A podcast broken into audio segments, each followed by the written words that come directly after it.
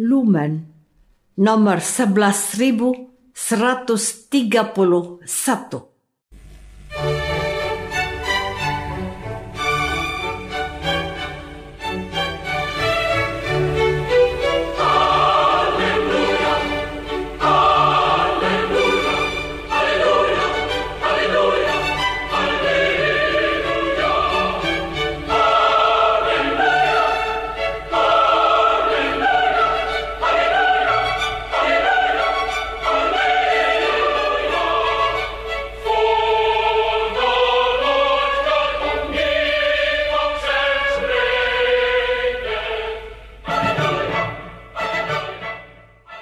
Saudara pendengar di segenap penjuru tanah air, selamat bergabung dengan Lumen Indonesia.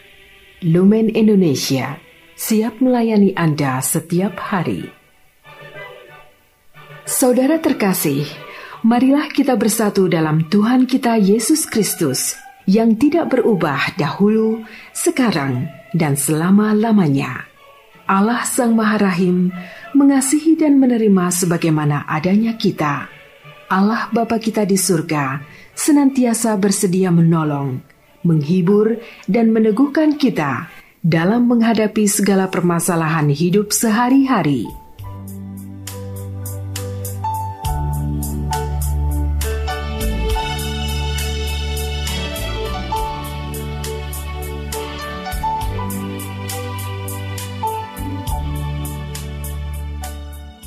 Saudara-saudari, marilah kita mendengarkan renungan dengan judul Minta kepada Allah.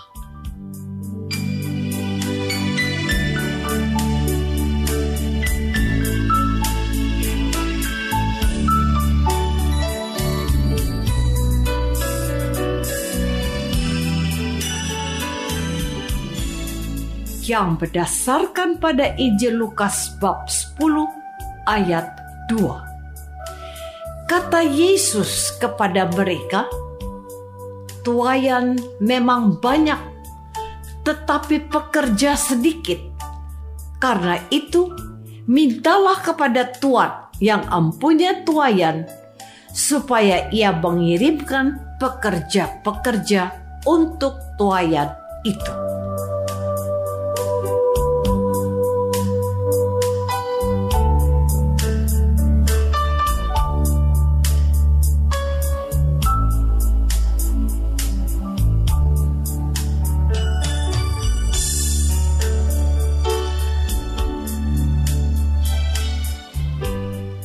Dalam nama Bapa dan Putra dan Roh Kudus.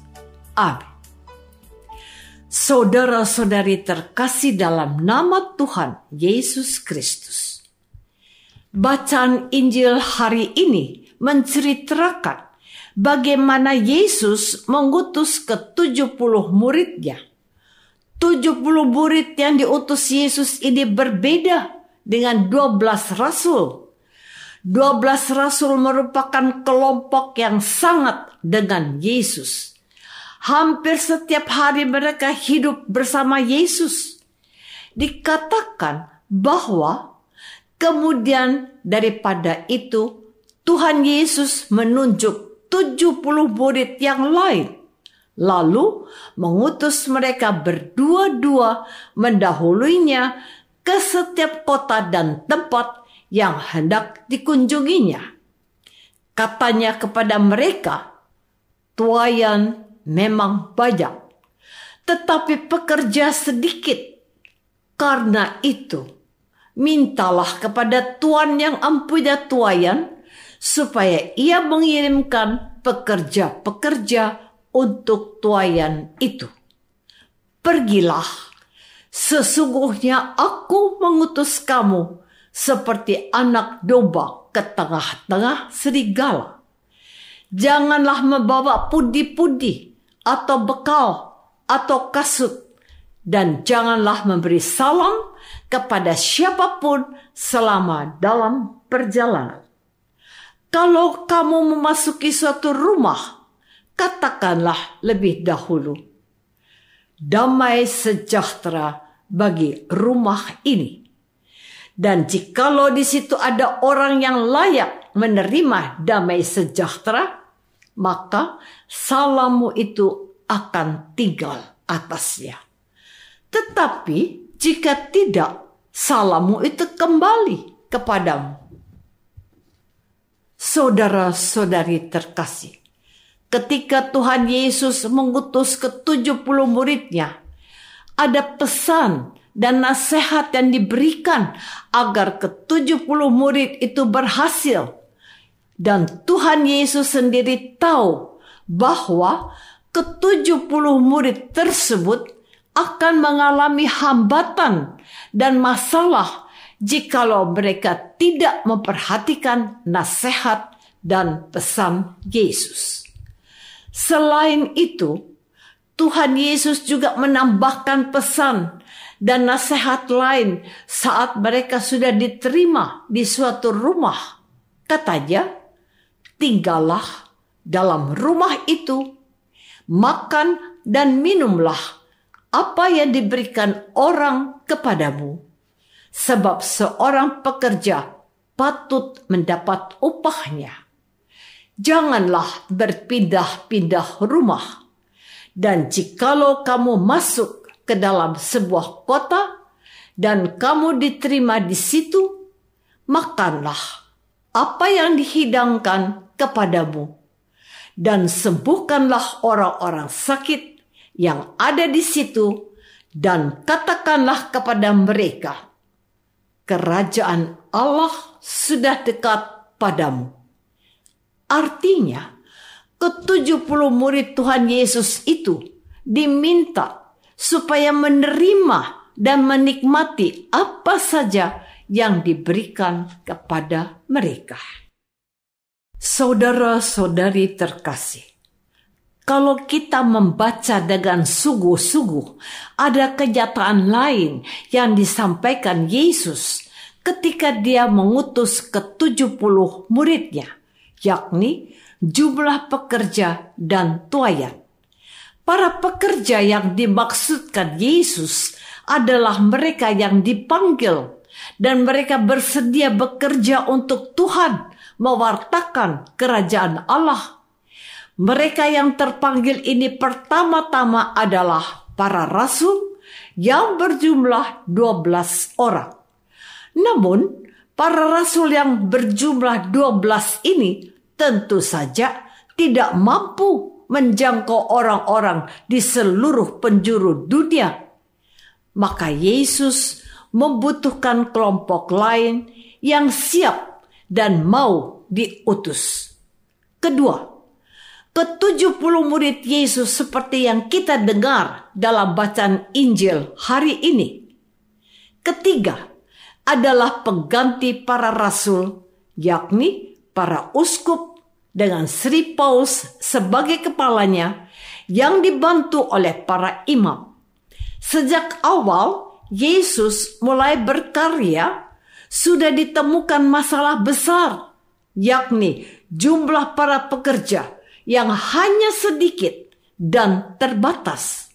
Sedangkan tuayan adalah orang-orang yang merindukan dan mengharapkan kehadiran Allah dalam hidup mereka.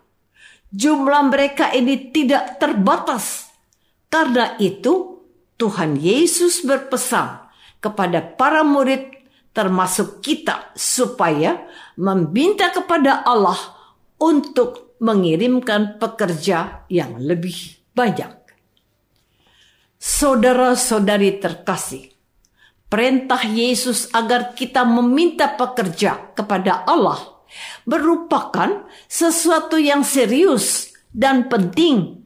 Kita bisa melihat sendiri bahwa jumlah imam atau pastor dari tahun ke tahun tidak sesuai dengan pertambahan jumlah umat Katolik yang berkembang dengan pesat di beberapa daerah dan negara.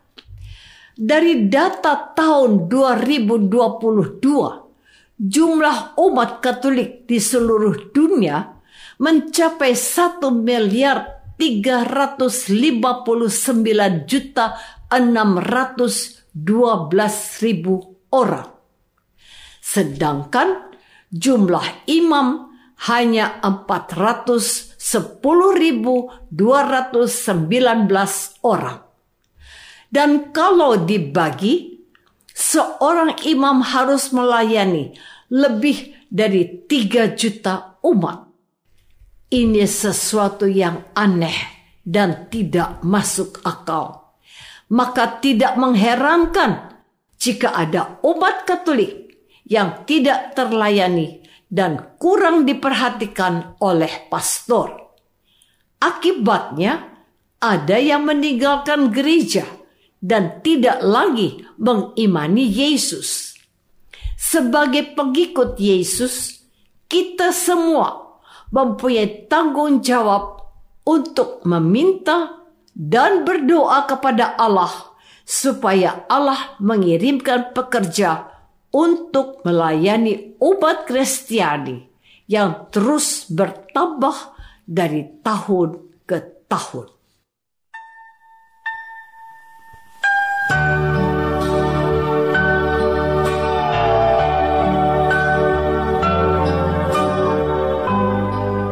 Saudara terkasih, marilah kita masuk dalam saat hening sejenak untuk meresapkan renungan yang baru saja kita dengar bersama dalam kehidupan iman kita masing-masing.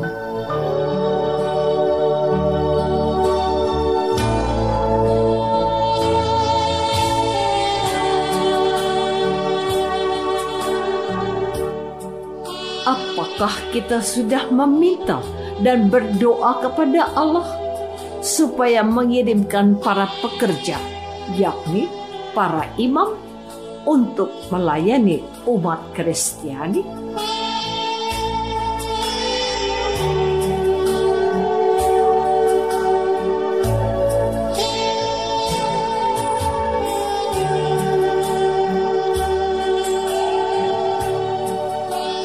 Marilah kita berdoa Tuhan Yesus Kristus, Engkau memberikan pesan kepada kami supaya kami meminta kepada Allah yang mempunyai tuayan. Bukalah hati kaum muda dan remaja agar mereka tergerak dan terdorong menjadi pekerja mewartakan Injil dan melayani sesama yang sangat membutuhkan uluran kasih Doa ini kami persembahkan dalam namamu, Tuhan, dan pengantara kami. Amin. Semoga kita semua selalu dinaungi dan dibimbing oleh berkat Allah yang Maha Kuasa, Bapa dan Putra dan Roh Kudus. Amin.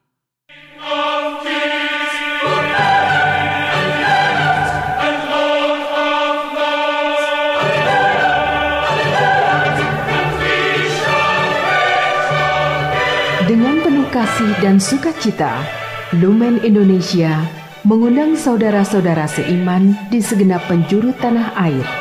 Sekiranya ada tanggapan ataupun saran, kirimkan surat Anda ke Lumen Indonesia.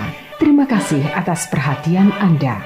Sampai berjumpa lagi dengan Lumen Indonesia pada waktu dan gelombang yang sama esok hari.